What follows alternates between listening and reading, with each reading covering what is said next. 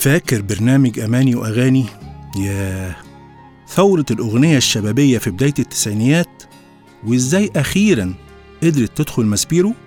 محمد عطية هيحكي لنا حواديت وكواليس أغاني الثمانينات والتسعينات في بودكاست أماني وأغاني.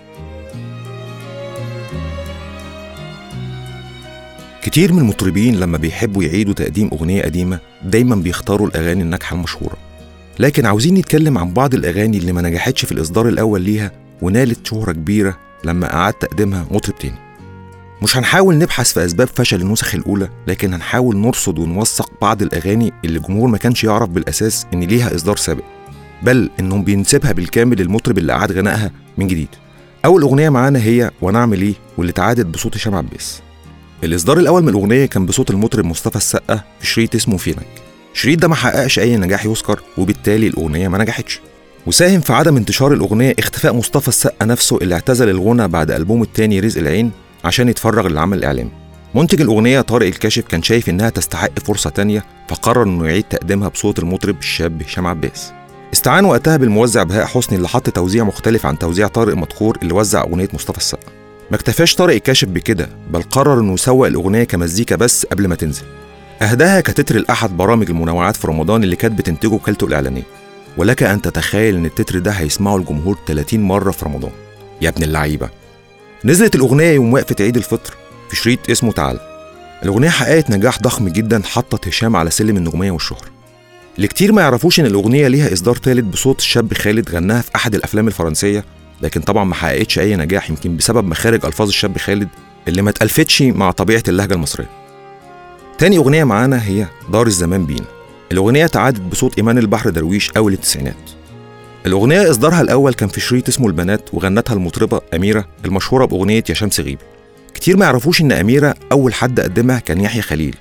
لما قرر إنه ينفصل عن شركة سونار ويعمل شركة إنتاج فني خاصة بيه ويقدم فيها بعض الأصوات الجديدة. بدأ خليل مشاريعه الإنتاجية مع الملحن حمدي صديق في ألبوم عجبتيني لكن لما حصل انفصال بينهم زهق من التعاون مع المطربين. وقرر إنه يركز أكتر مع الأصوات النسائية. فعمل شريط سماه البنات وقدم فيه أصوات زي رندا وأميرة وزينب ومها. ألبوم البنات ما صادفش أي نجاح يذكر ويمكن في قطاع عريض من الجمهور ما سمعش عنه أصلا. اختيار أميرة لأداء الأغنية كان سيء جدا ومش متآلف مع طبيعة صوتها. كمان فكرة الأغنية اللي تليق أكتر على المطرب. وده خلى الملحن جمال بشارة يقرر إنه يعيد تقديم اللحن من تاني بصوت ايمان البحر درويش في شريط شمس ودفى الأغنية اتعرفت أكتر بصوت إيمان البحر درويش بل إن في ناس كتير ما تعرفش إن ليها إصدار سابق. وطبعا الأغنية كانت أحد أسباب القطيعة الفنية اللي حصلت بين جمال بشارة ويحيى خليل والأغنية دي بتوضح فشل خليل المتكرر في اختياراته عكس ما بيروج دايما. هنروح لمحمد محي وأغنية اسمها ليلي. الأغنية دي بيعتبرها جمهور محي واحدة من أحلى ما غنى محي على الإطلاق.